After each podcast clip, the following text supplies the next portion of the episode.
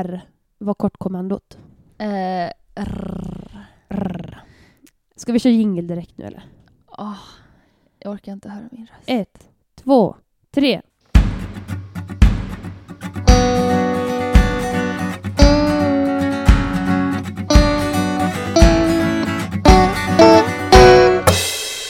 Utkanten.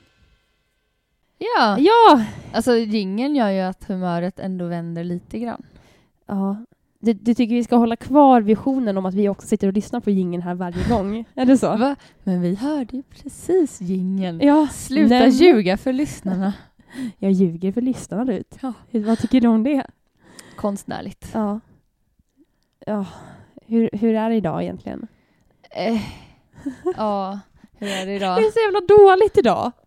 Vi Det- börjar dagen med Ja. att träffas mitt emellan dig och mig. Och så skulle vi gå hem. Går din braiga väg? Ja, min braiga nya väg, eller nya, men den, den kortare vägen till mig från dig. Ja. Ja, började snöblandat regn då. ja. Det blåste ju i Snett. alla fall bakifrån. Ja, precis. precis. Snett från öster typ. Så att jag var helt, alltså, fy fan vilket jävla skitväder. Min rumpa var blöt för att det hade blåst upp så mycket regn. Ja, min med. Vi har fått byta byxor båda två. Ja. Bra information. Och dessutom jätteförkyld igen. Nej. Ja, jag vet. Här gick jag och tyckte att jag skulle bli frisk. Förra podden var du också förkyld. Jag vet. Och det var inte samma förkyld. Nej. Förkylning. Jag har lite ont i förkylningen. Ja. Som Ica Nord brukar säga. Nej, men Men, eh, fan, ja. alltså det kommer vara hostande och brötande idag tror jag. Kanske Så, rösten eh, försvinner. Hur har veckan varit? Det brukar vi fråga. Veckan har varit okej för mig, faktiskt. Ja. Jag har bakat tårta och eh, firat diverse födelsedagar och sånt där. Och spelat rollspel, så det tycker jag ju om. Ja. Men eh, eh, själsligt har jag mått ganska dåligt. När, Ja. när, liksom, när en försöker göra bra saker och så bara Och då bara lossnar säger, det inte. Liksom. säger kroppen bara nej, gör inte det här, du är, du är dålig. och sen så blir jag dålig också. så går jag och får feber. Men Ja. en, en rolig sak, det är ju att i sönd- förra podden pratade jag om att jag skulle ta körkort. Just det. Ja, och i söndags tog jag mitt första steg genom att gå på den här handledarkursen. Woohoo! Så med lite tur idag, om vi har fått handledningsbeviset ifrån Trafikverket, så ska jag övningsköra min första gång idag. Det är ju ändå grymt. Det är ascoolt. Ja. Ja. Och så tycker jag om också i så här körkortsboken att de är så extremt pedagogiska. Så här, tycker du om att eh, lyssna på musik medan du kör och du får dig att slappna av? Eller? Du vet, det är så extra, extra pedagogiskt och jag på något sätt tycker att det är lite sympatiskt. Det låter ju som motsatsen till universitetsvärlden. Ja. Ja. Ja. Hur har din vecka varit? Jo, men så att... Eh, Annars då? ehm, ja, lite bra och dålig. Ja. Ehm, lite som när jag höll ett tal, eh, jag tror det var nationellt prov på gymnasiet i svenska, och så höll jag ett tal och så gjorde jag inte alls det som uppgiften gick ut på, men det var ändå bra, så då fick jag MVG slash G. Va? Jag fick inte VG, utan jag fick båda betygen. Bara, men vad betyder det att jag får VG? Nej, du har MVG och G. Men, men ja. Men Eh, betygssystemet i Sverige som är så himla bra. jag tyckte faktiskt att det var ett kreativt sätt att hantera det. Och det är ungefär så jag känner inför mitt mående. Det är Typ. G och MVG. Det är bra och skitkast. Eh, Ja. Framförallt så känns det som att en bra sak är, och nu känner jag mig lite självmedveten, men att den här veckan så har jag kommit ut Hurra. som icke-binär. Ja! Det Ja. är så jävla coolt och häftigt. Ja, Det är ju liksom ett sånt sjukt bra steg att ta. det är det. Och det är så extremt modigt av dig och fan vad bra du är. Jag får typ hög puls för att jag blir obehaglig till mods. Ja, men det här, du vet att det här går inte ut direkt utan vi Nej. kan kliva bort om du tycker det är jobbigt. Kom inte göra det för det här är så viktig Ja. nyhet. Men, men vilket pronomen föredrar du? Hen. Hen. Mm. Mm. Så det är hen i fortsättningen. Ja. Och sen så namn? Eh, Rut Elliot. Ja, det är så Och, jävla bra! Eh, det är valfritt. Det Båda valfritt. funkar. Ja. Jag Mm. tänker att vi ska skriva med Rut Elliot i beskrivningen av vår podd efter. Mm. Så blir det lite mer riktigt. Mm. Alltså podden stämmer mer överens med verkligheten. Det är ju bra Mm. om den kan göra det. Du är så jävligt modig. Jag är jättestolt över dig. Precis som podden så stämmer jag lite mer överens med verkligheten. Ja! Men det är så jävla grymt. Hur, hur vill du prata någonting om det eller hur känns det? Eller vill du släppa det så länge? Det kan vi också göra om du vill. jag tror att det kanske kan vara något att återkomma till en annan dag. Ja. Eh, när jag har typ smält det lite mer och kommit fram till hur jag känner inför att prata om det. Ja, landat lite. Ja, Men väldigt modigt av dig i alla fall. Jag är stolt över dig. Det är jag med någonstans och inte. Ja. Ja, men det är, det är bra och dåligt på Ja. samma gång. Fy fan. Heja heja. Hej. Jobba, jobba. Nära skjuter ingen hare. Det sa min morfar jämt. Ja. Nära skjuter ingen hare. Han var sån dalmas. och- Han är fort, han lever fortfarande, herregud. Eh, han sa det liksom alltid. Oavsett vad man gjorde. Nära skjuter ingen hare. Så, så även om det gick skitbra så var det bara nära och det Typ, skjuter ingen hare? Typ. Sen är han ju också världsmästare i orientering. Så det, han hade väl någon form av hög Ja. prestation. Nej, jag vet inte. Jag vet inte. Jag kan inte så mycket Ja, ja. Ja, ja. Idag ska vi prata om dubbelbestraffningar och Elitism, i feminismen och kult... eh, militä- eh, miljörörelsen, miljörörelsen. urban, fe- äh, urban elitism. Ja, fy fan. Ja.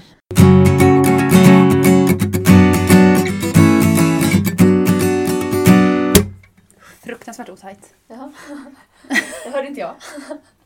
Men vi börjar lite med, eh, med det lättare ämnet, så att säga. Vi tänkte börja med att prata om dubbelbestraffning. Ja.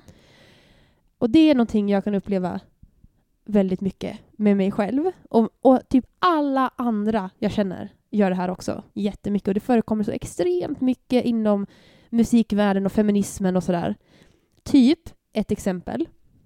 Eh, jag eh, har ibland så här, men jag kan känna att jag inte är nöjd med min kropp. Så kan det vara. Mm. Ingen fara med det egentligen. Men sen så räcker det inte med den ångesten, utan då får jag också ångest för att jag har ångest över min kropp. I know the feeling. Ja. Eller typ man ska spela in musik. Först ångest över att jag kan inte det här. Och sen den här lilla extra som grädden på moset kommer och säger du har också ångest över att du har ångest av att Ja. spela in. Aha! Alltså det där är det där kämpade jag så mycket med när jag började repa till min skiva som eh, jag fortfarande håller på med att Mm. ge ut nu. Ehm, jag har en låt som heter Formally Free som handlar om det här att nu är vi formellt sett typ inte förtryckta eh, en massa grupper i samhället och en massa identiteter som ska vara okej och sådär. Men så känns det samtidigt som att det finns någon så osynlig filt som bara ligger och tynger ner en. Ehm, och när jag spelade den här, när jag repade på den här med de två cis-männen som jag spelade med då, um, trummis och basist, jättefina människor. Ehm, men ändå så har jag en liksom medvetenhet om mig själv som inte riktigt rätt för att jag har en annan kropp, en annan bakgrund, en annan könsroll. Ehm, och så kände jag verkligen här så här, totalt jättemycket ångest över dels att ja, men den här låten handlar ju om hur jag känner inför den här situationen. Inför att eh, vara i, i en replokal med de här personerna. Och, Mm. ja. Och så kände jag, för helvete, jag ska ha kommit längre än så här. Ja. Jag står ju här, jag gör ju det här. Varför känner jag Ja. inte att jag gör det här? ja. Och så blev det jättejobbigt när jag kom hem och så kände jag mig dålig för att jag kände mig dålig. Och, Och sen så finns det Ah! en trippel bestraffning för då kan man också känna sig dålig för att, eh, för att man är dålig och sen så känner man sig dålig för att man är dålig och sen känner man sig dålig för att man är dålig för att man är dålig. Men vad då jag ska ju inte skylla, det är liksom nästa steg så här. jag ska ju inte vara arg på mig själv för att jag känner det här. Och bara, vad fan, nu har vi liksom gått, nu går vi bara, det är som en jävla nedgående spiral. Och jag vet, jag har liksom inget riktigt bra svar på hur man ska undvika det här. För att det är som att, men om man tänker så här med, med feminismen eller kvinnorollen typ, att det är så himla lätt att man hamnar i ett antingen eller, tänker jag. Och kan inte du hälla upp lite te åt mig också, när du ändå är på gång? Ja. Tack. But of course. Yes. Tea please. With lakrits root. Snyggt! Snyggt! Jag spillde dock lite när jag skulle försöka få med ljudet av teet. Det är lugnt, men vilken, eh, vilken omgivningsspillning, eller vilken omgivningsljud gjorde. Nej men, jo, men jag tänker så här att inom feminismen, kanske, inte framförallt, men delvis, så är det väldigt vanligt att, att man blir arg på sig själv för att man inte är en bra feminist nog. Men jag borde inte ta den här skiten. Jag borde inte göra det här. Och sen så gör man det ändå. Som häromdagen. Jag var ute och gick med min hund.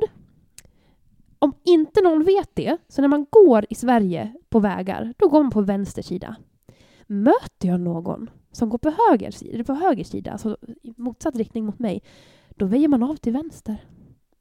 Det är en trafikregel. Har man hund dessutom, hundar ska ju oftast alltid gå på vänster sida just på grund av det här, att den ska inte närmast vägen. Så jag går på trottoaren, så ser jag en man som går längst ut på den här jävla vänsterkanten och att, nej, jag tänker inte väja för den här gubben. Jag tänker inte väja. Jag går och så har jag ju Lovis med mig så här, så jag bara, nej, i helvete heller. Och så går jag, går jag, och så inser jag liksom när vi är typ en meter från varandra att nej, han kommer inte väja den här jäveln. Han kommer inte väja. Och det fanns, alltså det, det barnsliga i det här är ju att det var liksom två meter trottoar åt höger. Det var inga problem för någon av oss att väja egentligen, men det var som att jag bara, nej, den här kampen tänker jag ta nu. Halv åtta på morgonen, det spöregnar, men jag tänker ta den.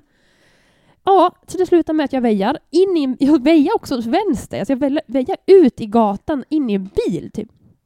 Och sen så vänder sig den här gubben om och är skitförbannad på mig. Och jag bara går vidare och tänker bara, jag tänker inte titta på honom. Så då har jag först ångest för att jag, i, för att jag väjade. Och sen får jag ångest för att jag fick ångest över att jag väjade. Alltså det är, det är mycket ångest här. Men alltså det är, det är mycket så här, ångest. Men det är, så här, det är så jävla typiskt och jag tror att det, det, liksom, det kommer så småningom leda oss in på nästa ämne, det här med elitismen, att man ska vara så jävla perfekt hela tiden. Men det, det är så problematiskt att det är som att Jaha, nej men tog du den här skiten, nej men då är du inte feminist bra nog, eller då är inte mm. du människa bra nog, eller kvinna bra nog, eller så här. Ja men som vi pratade om att baka bröd häromdagen. Framförallt, och det anses ju inom citationstecken som en kvinnogöra så länge det inte är surdegsbröd, för det är tydligen manligt. Då är det surdegspappan. Då är det surdegspappan. måste vara pappa också. Som härskar i köket. Ja, som en kung.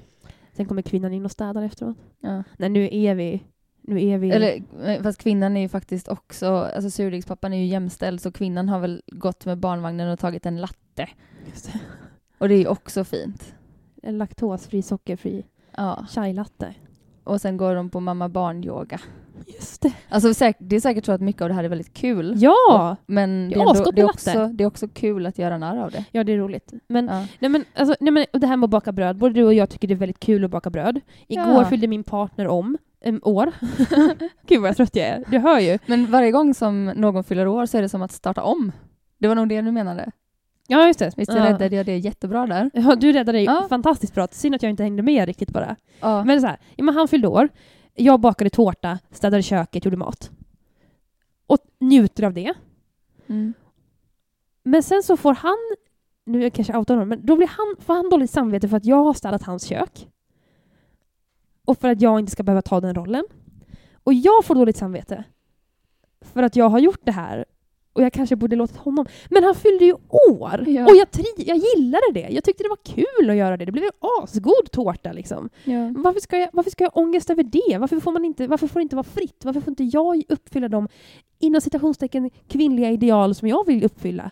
Och andra inte liksom. Det var, ni vet, äh. ah! Det, det påminner mig om eh, den senaste ledaren som jag skrev för Syre, så ja. skrev jag om eh, flersamhet. Och, um, Gjorde du det? Ja, du får läsa den sen. Det måste jag göra. Den blev bra, tror jag. Um, och den blev bra. redaktören, uh, då hade jag, undrar om jag kommer ihåg kopplingen jag gjorde här nu.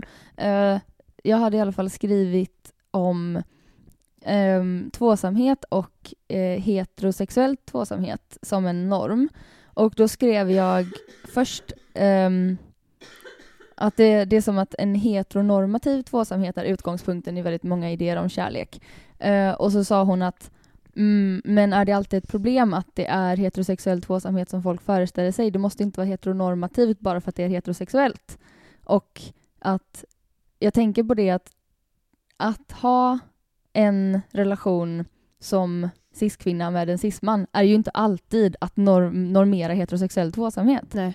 Utan det kan ju också vara det som man skulle välja om valet var fritt. Uh, och ja. om valet är fritt så är allting neutralt. Så målet är ju att alla ska få göra precis vad de vill oavsett vad de har mellan benen. Ja, precis. Och att straffa sig själv för att vilja något som råkar vara kodat på ett visst sätt Ja. kommer ju inte göra någon lycklig eller världen kommer inte tacka en för det och ingenting blir bättre. Nej. Ehm, Men hur tänker Ja. du att man ska göra då? För jag kan tycka så här att, som jag sa förut, att det blir problem, problematiskt om jag först är sur på mig själv för att jag tycker att min kropp är ful och sen är sur på mig själv för att jag tycker att min, för att jag tycker att jag tycker att min kropp är ful. Och sen är jag sur på mig själv för att jag blivit sur på mig själv för att jag blivit sur på mig själv för att min kropp... Du vet, det är som att någonstans måste man ju bryta där och tänka ja. Ja, jag klappar mig själv lite grann på huvudet och tänker att allt är okej.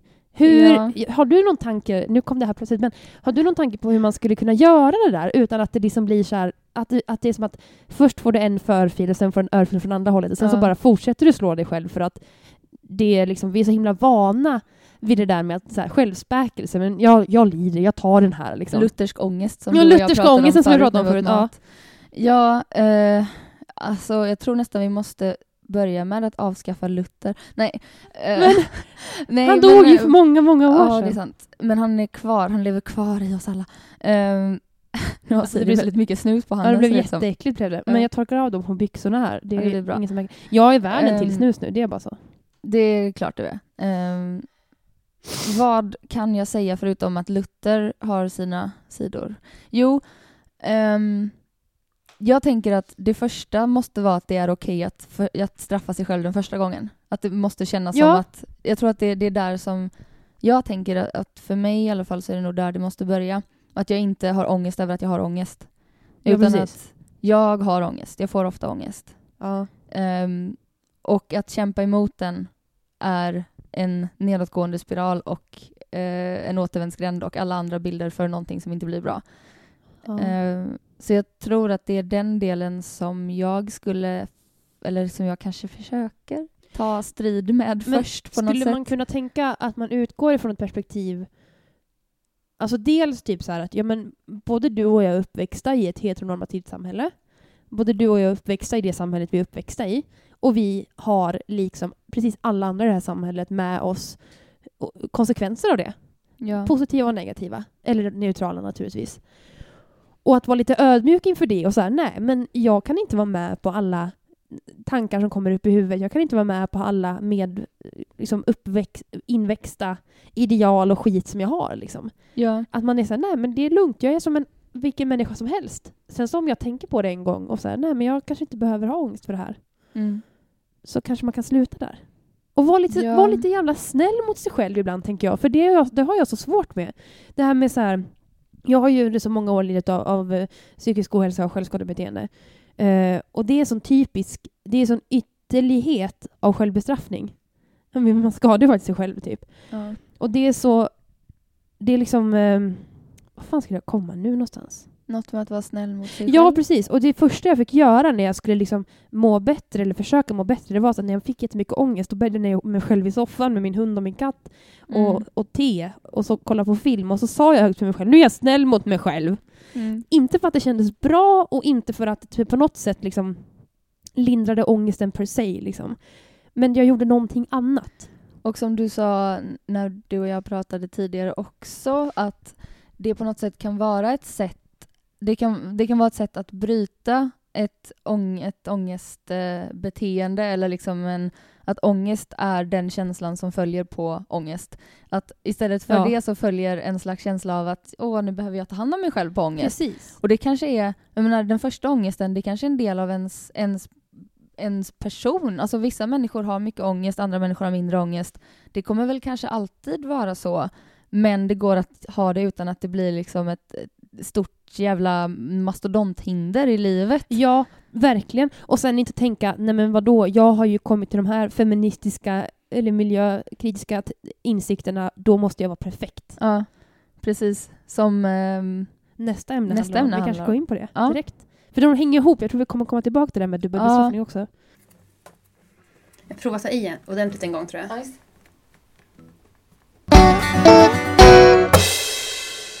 Och nästa ämne är då eh, elitism i miljörörelsen och feminismen. Ehm, och det är någonting som för mig, eh, det, det kom upp på nytt, det är något som jag tänker på ofta, men det kom upp på nytt i samband med att vargjakten började nu. Ja. Och eh, det finns en så otroligt starkt, ett otroligt starkt fördömande av alla som vill skjuta rovdjur eh, från miljörörelsen. Och eh, så lyssnade jag på, eh, eller jag såg på en serie i SVT som heter Från Sápmi till Botswana om en musiker som heter Simon Marainen. Och ehm, så säger de, säger de där att hans bror precis hade tagit livet av sig innan de började filma den här dokumentären om ett musikaliskt utbyte mellan samiska och botswanska musiker från urfolksgrupper. Ehm, och då sökte jag lite på den här familjen och hittade en intervju i Sameradion med eh, Simon Marainens bror kort innan han tog livet av sig där han eh, är helt förkrossad och liksom med gråten i halsen pratar om hur han med gråten i halsen går till renskogen varje dag Mm. och hur många rovdjur ska ha ta- eller hur många kalvar ska ha varit tagna nu av rovdjur och att inte kunna starta i en förståelse av den människans situation utan att alltid starta i en idé om vad som är rätt utifrån det urbana, miljömässiga eller urbana feministiska perspektivet. Ja. Det känns inte som att vara lite snällare än en måste vara utan Nej. det känns som att ha moralisk high ground och bara vilja visa på sin egen godhet. Även om i princip så är det också, tycker jag, givetvis inte bra att döda djur. Nej, Om, om man inte måste. Eller, liksom- och det är väl det som är grejen. Ja. Vad är det för kompromisser som görs? Det, folk i urbana miljöer måste nästan inte själva stå för några kompromisser. Nej. Vi har alla val. Vi kan köpa ekologiskt om vi har pengar. Eh, och det, det, det är så mycket i det här som handlar om ett förakt för det lantliga, för bönder, för eh, de Arbetarklassen. icke-urbana, för arbetarklassen, för fattigdom. Ja, för outbildade. Ja. Ja. men absolut. Jag, tänk, jag vet inte varför, men jag börjar tänka på dagis nu. Ja. Alltså att det är så här, jag är med i några sidor på internet, som, för jag stickar ju så mycket. Så då är jag med i några sidor som är så här ullkläder. Och då är det alltid folk som lägger ut bilder på sina så här ullbebisar. Ull från topp till tå idag. Och så kollar man liksom så här, åh jag vill tipsa om jättebra byxor till en sex månaders. Och då kostar de här byxorna 700 spänn, typ. Alltså de är Det- säkert jätte, jättebra. Fantastiskt bra antagligen. Men att utgå ifrån att man är en dålig förälder för att man inte kan klä sitt barn i ull. Eller för att, eller snarare utgå ifrån att det är ett val att inte Ja, göra det. eller hur? Eller, jag tycker att det är så... Det är så jag, ja, men på, på riktigt tycker jag att det är så pissigt, det är så elakt att så här, utgå ifrån att människor inte gör val för att de inte vill eller för att de är otänksamma, utan för att de gör val... Nej, vänta. Hur blev det nu? Äh, skit i det. Jag glömde bort vad jag skulle säga. Mm, Men ni fattar vad jag menar. Ja, människor gör, eller att vi utgår ifrån att, om jag tolkar dig rätt, eh, människor gör val med alla fakta på bordet och alla möjligheter att Ja. göra vad som helst och då väljer de fel och då är Precis. de dumma. Då är de onda, då är Ja. de problemet. Och att eh, vi som väljer rätt då, urbana medelklassmänniskor med hög utbildning och mycket kulturellt kapital och kan citera rätt eh, teoretiker och liksom äter bara veganskt och vi kan mixa dadlar med nötter. Alltså, allt det här är ju bra på sina sätt Ja. men det blir elitistiskt när det inte finns en vilja att förstå varför andra människor inte gör de valen. Ja. Och det som ett exempel är när jag och eh, min primärpartner Simon var i Karesuando och vi um, spelade på eh, en marknad där. Uh, då hade de som, som ordnade det köpt eh, frukost till oss. Och um, då är det liksom det som köps där, det som folk brukar äta där. Och det är ost och det är skinka. Och det är klart att det inte är ekologiskt för det finns inte i mataffären Nej om jag, är jag en god människa om jag säger nej tack, jag äter inte den här frukosten? Nej. Eller är jag en god människa om jag säger vad schysst att ni tänkte på oss och Ja. att vi behöver äta frukost när vi sover här i bygdegården. Ja. Eh, och äter åtminstone osten för att det är sånt som en god människa gör. Mm. Liksom. Eh, och det, Ja. ja. Eller som när jag var i Kenya och besökte ett barnhem i min eh, konstiga ungdom och så här så hade de slaktat sin finaste höna för vår skull och bjöd på den. Och jag hade inte ätit kött på flera år. Men du äter och håller käft. Mm. Alltså på riktigt, du tackar för maten. De har gjort det bästa de har kunnat göra liksom. Och det är så himla att komma i den situationen och bara nej, alltså, jag, men du vet, alltså nej, jag vill alltså inte. Mm. Det är så jävla... Det är gris, äh, gris ska man säga, men det, det är pissigt. Det är dåligt liksom. Ja, Ehm, och det jag tänker är det stora problemet i grunden här. Ehm, och nu blir jag lite självmedveten för jag inser att mitt sätt att analysera det är väldigt typiskt medelklassteoretiskt. Men Go on. Eh, å andra sidan så är samhället så komplext att det nästan krävs en hög utbildning för att hinna börja förstå sig på systemet. I alla fall, ehm, problemet är att istället för att det är demokratiska principer som styr vilka val människor gör så är det en plånbok och den är inte demokratisk. Ja. Marknaden är inte demokratisk, pengar är inte demokratiskt. Det är inte en röst, en person. Det är en krona, en röst. Och ju Ja. fler kronor desto fler röster. Och då kommer det alltid att betyda att det hänger på att någon har mer för att de ska kunna göra det som betecknas som moraliska val. Samtidigt som det finns ingen eh, trickle down effekt, alltså att överklassen eller typ de som tjänar mycket är rika. Det, det, ingen forskning, ingenting har visat att det sipprar ner till de lägre skikten i samhället. Men det är ju det som själva Mm. idén om att det ska finnas höginkomsttagare och det ska vara. Ehm, för mycket fördelningspolitik gör att ekonomin bromsar och så vidare. Det, det är liksom en av de grundprinciperna bakom de argumenten för uh, nyklassisk ekonomi, nyliberal ekonomi, vad folk nu vill kalla det. Om den inte finns, då betyder det att folk äger mycket på andras bekostnad. Det gör ju dem till att börja med lite moraliskt tvivelaktiga. Och så är det de som betraktas som moraliskt goda för att det är de som har tillräckligt många kronor för att göra de goda valen. Det tycker jag är äckligt. Ja, och sen så att det här argumentet... Nej, men alltså det är en prioriteringsfråga. Ja, eh, absolut. I vissa fall är det definitivt en pri- prioriteringsfråga att köpa ekologiska ägg eller inte. Självklart. Men inte i alla fall. Långt ifrån alla fall. Du kanske prioriterar mellan att äta och inte äta. Och då väljer du att äta. Och kunskapen är inte heller jämnt fördelad. Nej, Det jag. krävs typ en, som sagt en högskoleutbildning för att folk ska börja så förstå vad ekonomin är, hur den är uppbyggd. För den är uppbyggd på ett sätt som inte ska vara lätt att förstå. Jo, men- liksom, Ja, men och Ja. samtidigt tänker jag också på det här med alla, alla, alla, alla rekommendationer som görs till gravida. Ena året ska man äta torsk, andra året ska man inte göra det, tredje året kan man göra det här, fjärde året kan man göra det. Det är liksom så här, och vi, vi har liksom inte kunskap nog att ta egna vettiga beslut heller, för att vi är så himla vana vid att lita på alla våra statliga verk i Sverige. Typ. vilket Nej, men, datum står det på den här förpackningen? precis. Oj, nu är den dålig. och ät fast den är 68 ätbar. brödskivor om dagen. Ja. Det, är liksom, det är taget ur luften. Drick det, ett glas mjölk, tre glas mjölk, noll glas mjölk. Mjölk kalkar ur skelettet, mjölk ger me- mer kalk det är livsfarligt med gluten. Ja. Sockerdödar! Du exploderar, tarmen exploderar om du gör det här. Framförallt om du är fattig, för då ska du veta att du är dålig. Precis. Har du någon försäkring? Nej. Det var en retorisk fråga. Det var inte meningen att sätta dig på pottan här. Nej, men, alltså, ja, men, och det, men det är det som är så sjukt, att man så här, det är så lätt att prata om feminism och, och miljö, tänker jag, utifrån perspektivet att alla har samma möjligheter, alla har samma möjligheter till att välja att leva jämställt eller till att välja att eh, jobba lika eller ta ut lika föräldraledighet och sånt. Men så ser ju verkligheten inte ut. Liksom. Precis, och där tänker jag på det här med dubbelbestraffning som kommer tillbaka då, att dels tror jag att det är många, många som har det tuffare ekonomiskt som sysslar med dubbelbestraffning för att de samtidigt kanske har kunskapen om varför de skulle vilja välja på ett annat sätt. Eh, och så tänker jag också på folk i medelklassen, folk som har det kanske lite mer eh, lite bättre ställt ekonomiskt, som känner att det är något lite obehagligt med det här. Är jag elitistisk nu? Och då blir det en dubbelbestraffning av Ja. den här feministiska veganen som försöker göra allt rätt och samtidigt känner sig som Ja. en jävla överklass... Eh, jag vet inte.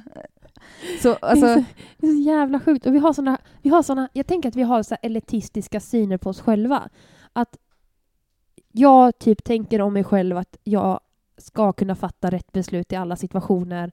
Jag kan inte undvika att köpa ekolog. Jag kan liksom inte, och nu är inte jag en person med mycket pengar eller sådär, men, men liksom det är som att jag tänker om mig själv, och jag tror att det är ganska många som gör det, att man tänker så här, nej men jag, kan, jag har ju kunskapen att göra perfekta val. Eller jag har ju kunskapen att leva ett jättebra feministiskt liv. Och då är det som att jag har satt mig över alla andra och det är också dumt. Mm. Och jag tror att om vi försöker tona ner det där och bara, nej men jag är ju bara, vi är ju bara en människa. Mm. Och där tänker jag också, för att relatera det lite till kultur, kulturarbetare och musik, att ehm, jag kan ibland känna, vem är jag att hålla på med det här och inte eh, liksom jobba, eh, jobba häcken av mig i vården eller eh, städa någonstans eller liksom Mm. göra rätt för mig i samhället, jobba för att eh, dra in pengar till eh, både samhället och min egen privatekonomi. Och, ehm, det är, jag tänker att det är ju ett privilegium att våga, men det är också jag som vågar. Det är liksom på Ja. något sätt både och. Det, jag är både mig själv och min position i samhället. Och det är svårare. Det, det, jag, vet inte, jag fick en så vag bild i huvudet av någon slags graf, men jag är väldigt dålig på att rita sånt, så jag skulle nog inte kunna rita upp den. Men som att det finns lite olika variabler här som samspelar. Liksom. Snyggt. är det, Snyggt. Det, det, det, det är du själv, din personlighet, ditt sätt att förhålla dig till saker.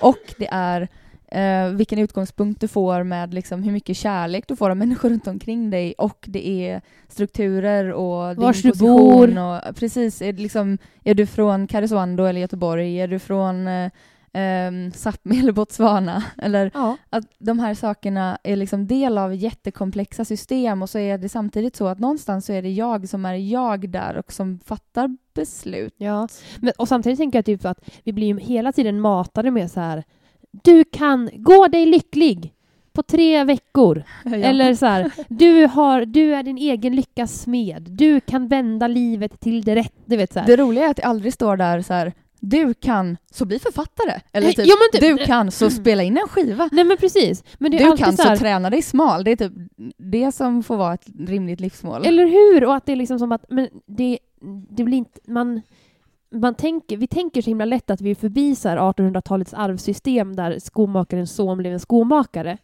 Och man bara, nu har vi rätt att välja fritt och vi le- lever i ett sånt liksom, fritt och liberalt samhälle. Men så är det ju verkligen inte. Vi alla har vi ju våra ok att bära. Mm. Och det är därför vi ska, det är därför vi ska gräva där vi står. Vi kan göra därför- det vi ja. kan göra här, nu. Liksom. Och det är därför som vi behöver jobba mot den här elitismen och vi behöver jobba mot dubbelbestraffningen. Dubbelbestraffningen, ner med dubbelbestraffningen. Ner med dubbelbestraffningen och mer med, ner med elitism. Mer elitism. Ner med elitismen. Ja. För att sammanfatta det så tänker jag, var lite snällare än du måste. Ja, jag Mot dig själv och mot andra. Ja. Men, och det är så himla svårt. Vi pratade ganska mycket om så depression och ångest och sånt där innan. Att man, ju mer man upptäcker om sig själv och ju mer jag förstår av min uppväxt eller min, mina svårigheter, desto sämre mår jag ju. Ja. Det är inte som att jag mår bättre nu än vad jag gjorde för tre år sedan. Det, jag, det som förändras är ju att jag har lärt mig hantera saker och ting på ett annat sätt. Men det är ju jävligt hopplöst när man säger nej men jag får tillbaka samma jävla depre- depression om och om igen. Och liksom jävla kassa tankar typ. Uh, nu tar jag bort mig. Jag är så trött idag. ja. Men det, det Förkyld. tänker jag Hela illustrerar din huvudet är poäng fullt också. av snor. Ja. Och varför ska det vara så? Jag, är så, Men- jag har så ont i förkylningen. Ja. Men eh, det här... Alltså, det jag kan känna med det här med depression, detta underbara ämne, denna glädje i tillvaron, det är att eh, jag är rädd att det bara blir sämre. Och hur vet jag att Ja. det inte... Ja, nej, fy fan, nu blev det deppigt. Äh. Det är Men- så här det är idag. Vi var Ja. så här innan bara, ska vi spela in podd i de här sinne... Vi satt vi och åt mat, vi äter ju alltid mat du och jag. Och så sitter vi och bara så här, men vad fan, kan vi verkligen spela in podd när vi... När vi det kommer bli så jävla deppigt. Men på något sätt tänker jag också att det finns en fördel med att vara öppen med hur en mår.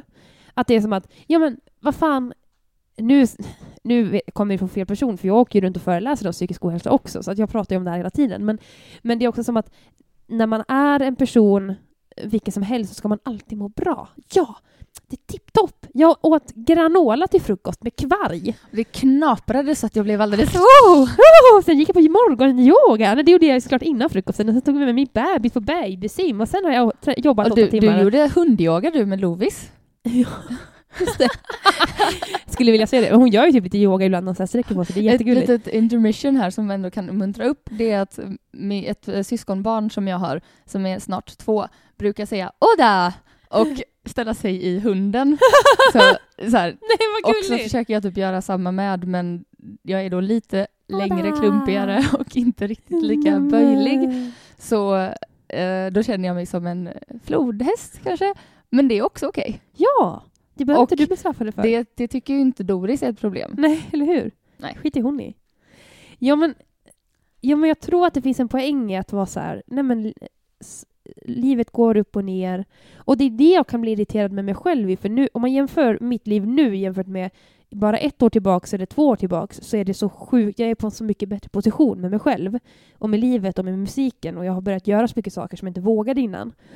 Och det här med att börja podda och hänga mycket med dig och du vet sådana saker som jag verkligen inte vågade innan och nu gör.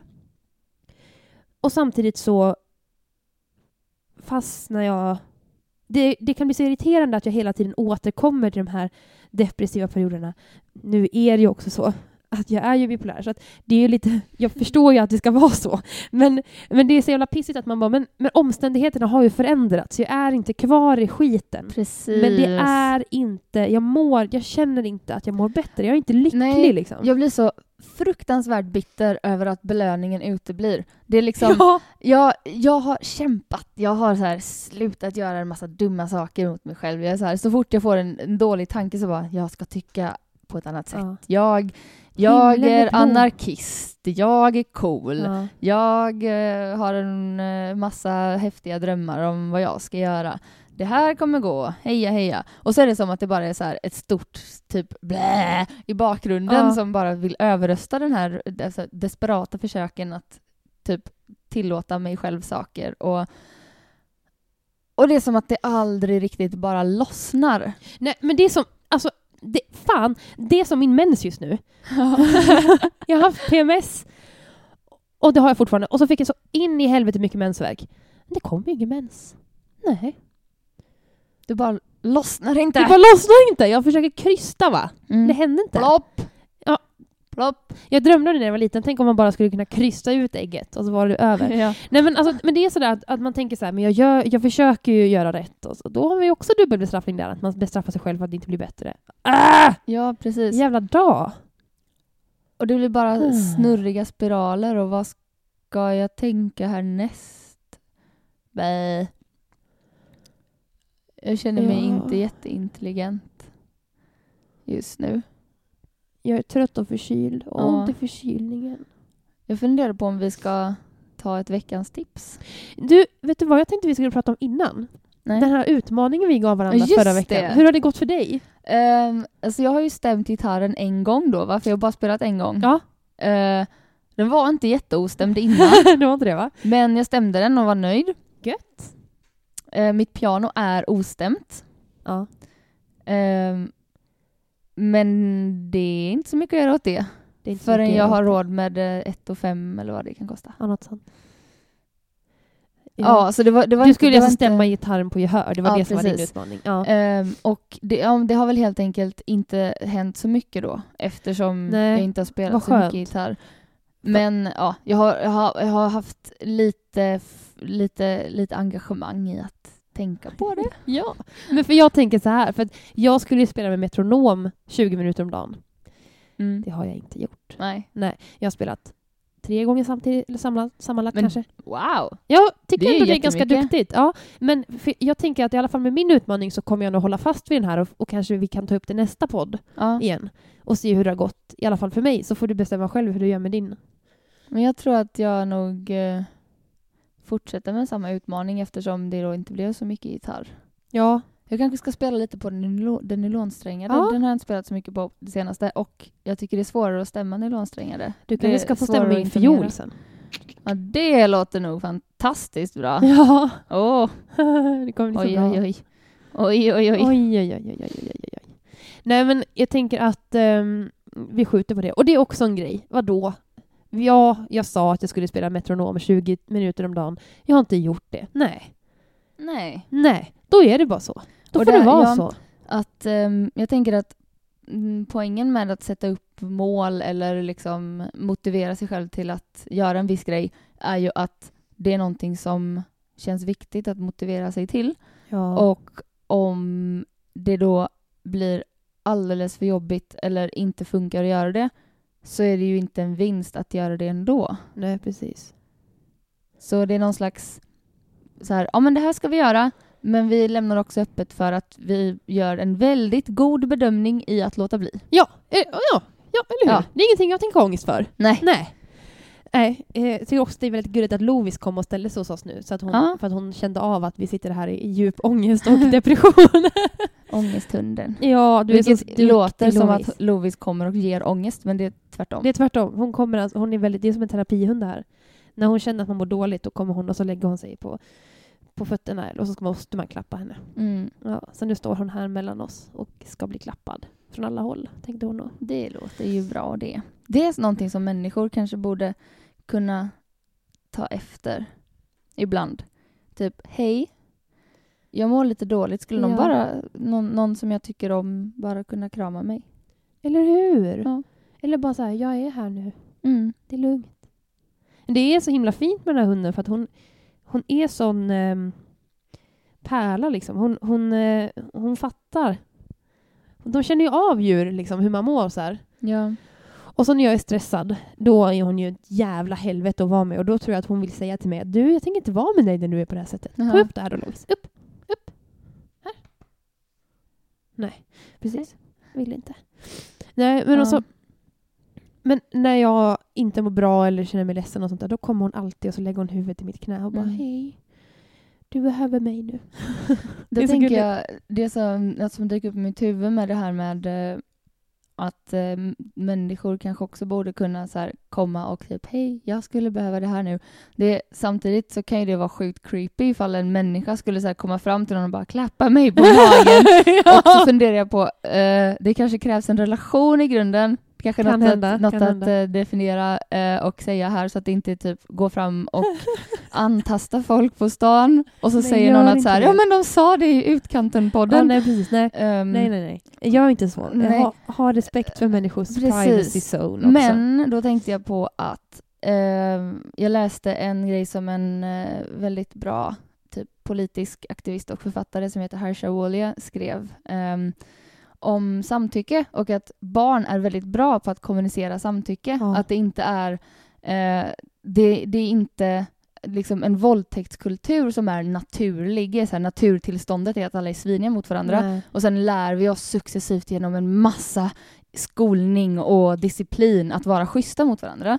Utan ehm, människor är liksom sociala och vi kan vara snälla. Det är i oss. Ja, men, Och ja. att hennes barn är väldigt bra på att kommunicera just vad för kontakt de vill ha. Att så här, mamma nu så vill jag sova och jag vill att du ligger här i en minut med mig och sen Ja. ska du gå. Eller typ, mamma jag vill att du killar mig på magen men inte, eh, inte typ på den sidan Nej. utan bara här och sen vill jag att du, killar mig på ryggen när jag vänt mig om. Ja. Och sen ska du gå härifrån så att jag inte märker det. Eller så här, Det är så att gulligt. hennes barn alltid väldigt tydligt kommunicerar Ja. vad som är okej. Ja, men det är samma sak när man kommer och hälsar på föräldrar med barn. Så är det ganska ofta, ska du inte krama Siri? Åh, Ska du inte krama? Om, jag tänker så här, jättegärna tar jag en kram. Får jag en kram. Men om barnet inte vill, då ska inte det vara någon grej. Då vinkar Nej. vi istället. Det är inga problem. Liksom. Mm. Det är som att vi tvingar barn och människor till, kro- till, liksom, alltså, till, till kroppskontakt som vi inte vill ha. Ja, och inte tar plats med att be om närhet när vi behöver. Nej men precis, det blir jättekonstigt. Ja. Och ibland kan jag vara så här, nej men jag vill verkligen inte kramas ens med de jag har som allra närmsta. Ja. Och då är det ju väldigt svårt att tacka nej. Bara nej tack. Ja. Det var, jag får panik. Håll inte fast mig. Så här. Samtidigt som att ibland så kanske man inte behöver någonting annat än att ha, få en kram. Mm. Och det är så... Ja. Ja, jag vet inte. Vi, ska, vi, vi måste lära oss av barnen. ja, där har jag också, det då tycker jag är väldigt eh, fint med den liksom självkänsla och plats som mm, samma syskonbarn som gör Oda eh, tar att eh, hon liksom Eh, jag kan fråga henne ifall hon vill ha en kram och då säger hon ibland nej och då får hon inte en kram. Eh, och sen ibland, framförallt när hon är lite trött, så kan hon liksom ta min arm eller liksom så här, dra i mig för att hon vill visa att hon vill ha kontakt på ett visst Ja. sätt. Hon pratar inte liksom sådär jättemycket fullständiga meningar, Nej. även om hon kan uttrycka sig en del med ord. Så det blir väldigt mycket fysiskt uttryck. Så då ofta så kan hon liksom ta ens arm och här, dra upp den runt sitt eget bröst. Typ och så här, nu ska du hålla om mig här och vara lite varm och trygg för att jag är trött och vill, vill känna mig varm och trygg. Ja. Ehm, Och jag tänker att samma känsla av att säga ifrån och att be om det vi behöver. Det borde vi ha. Fast vi har typ tvärtom som vuxna. Eller hur? Eller vi hur? säger aldrig ifrån och vi säger aldrig vad vi behöver. Nej. Eh, jag vet inte varför jag kom in på det här men det är ett viktigt ämne Jag också i tycker också att det är viktigt och det är nog bra att ta upp, tänker jag. För att det är så här... Ja, jag vet inte. Och jag kan tycka det är så här... Vissa människor kräver liksom någon form av kroppskontakt med en. Framförallt det här med att kramas hej och hej då. Ja. Och det, jag tycker det är så skönt när man sätter på människor som inte gör det, utan som känner av att okej, men det var inte läge. Eh, lugnt. Liksom. Det behöver inte vara en grej, eh, det behöver inte vara ett ställningstagande, utan det ska mer vara så här, vill du ha en kram? Nej tack. Okej. Mm, Liksom. precis. Eh, det kan vara, usch. Det var, jag tror att det här på något sätt kom in apropå din hu- hund och apropå våra utmaningar. Någonting med att typ säga nej när det inte är rimligt och att göra det som behövs eller så. Tror jag det var som Ja. var min association. Jag tror också det. Vi får, vi får nog ta en bild tillsammans med Lovis idag och lägga upp tillsammans med det här Ja. poddavsnittet. Hon är ju trots allt, vi försökte ju förra gången, det gick ju sådär. Det, ja, nej, det är därför vi ser väldigt eh, Det kanske blir- och röriga ut på bilden Men, också. Ja just det, Det var typ Lovis var där. Syns Lovis nu? Nej, Nej, precis. Vi tar den tänkte vi. Nej, men vi kanske tar en bild på bara terapihunden Lovis helt enkelt. Vi får se, Ja. det kanske blir lättast.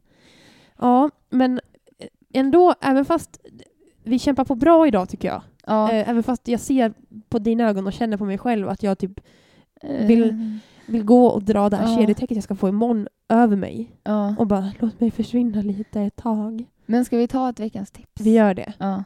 Vad har du för tips? Ehm, jag har ett band som heter Norra reviret. De har jag aldrig hört. Nej. Ehm, det är ett band som jag hörde på dansklacken på Dosan i Karesuando i somras. Ehm, Dansklacken på dosan. Ja, Vad fint. Jättefin festival. Det var en underbar helg. Dit ska vi i Ehm. år och jag ska köra dig dit. Ja! Inte hela vägen samtidigt. Nej usch, då lever vi inte sen. Men eh, Tack för förtroendet då. Nej jag skojar. Apropå dubbelbestraffning. det är ju som typ att ha flera promille alkohol i blodet att vara Ja, väldigt ja. trött att köra. Ja. Så det var verkligen inte att jag Nej, inte nej, har förtroende för dig. Jag tror att du kommer vara en grym chaufför. Och förare, Ja, eller vad det nu heter. Men i alla fall så Norra reviret. ehm, det är ett band från, eh, jag vet inte om alla kommer från Luleå, men eh, eh, vad jag förstår så är de nu baserade i Luleå i alla fall. Och de spelar typ svensk indiepop. Ehm, det är som ett Nice. Kent som inte har en massa töntigt manligt självförakt. Eh, utan mer en... Det är så jävla bra beskrivning av Kent. Utan mer eh, bara skala bort det. Och skala Ja. bort lite elitism.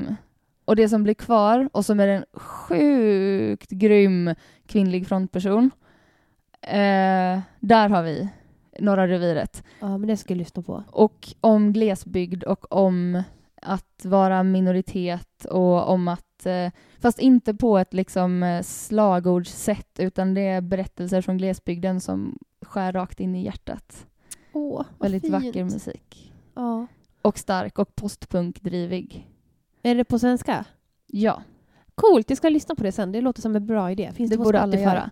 Eh, jag vet faktiskt inte. Vi får se. Eh, det är väldigt ogenomtänkt veckans tips här. det är okej. men, eh, Allt är ogenomtänkt idag. Är, Men de finns garanterat på någon grej.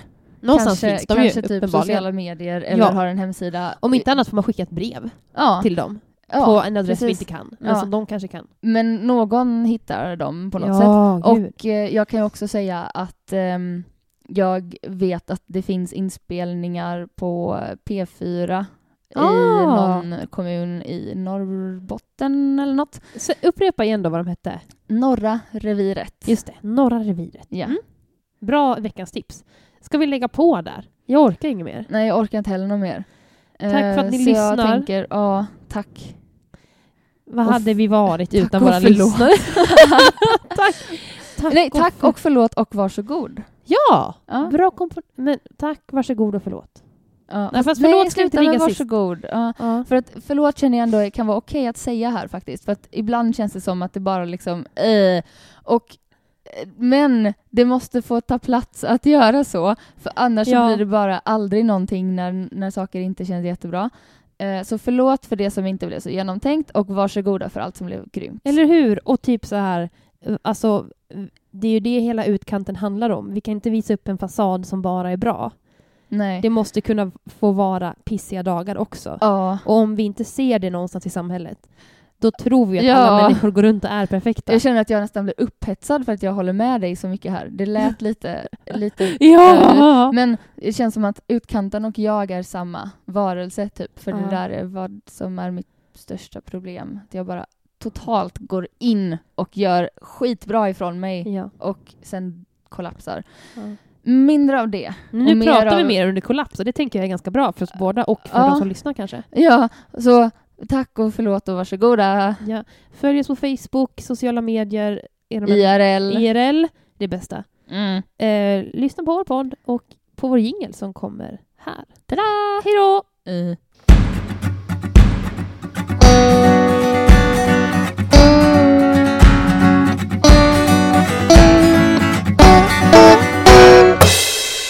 Utkanten.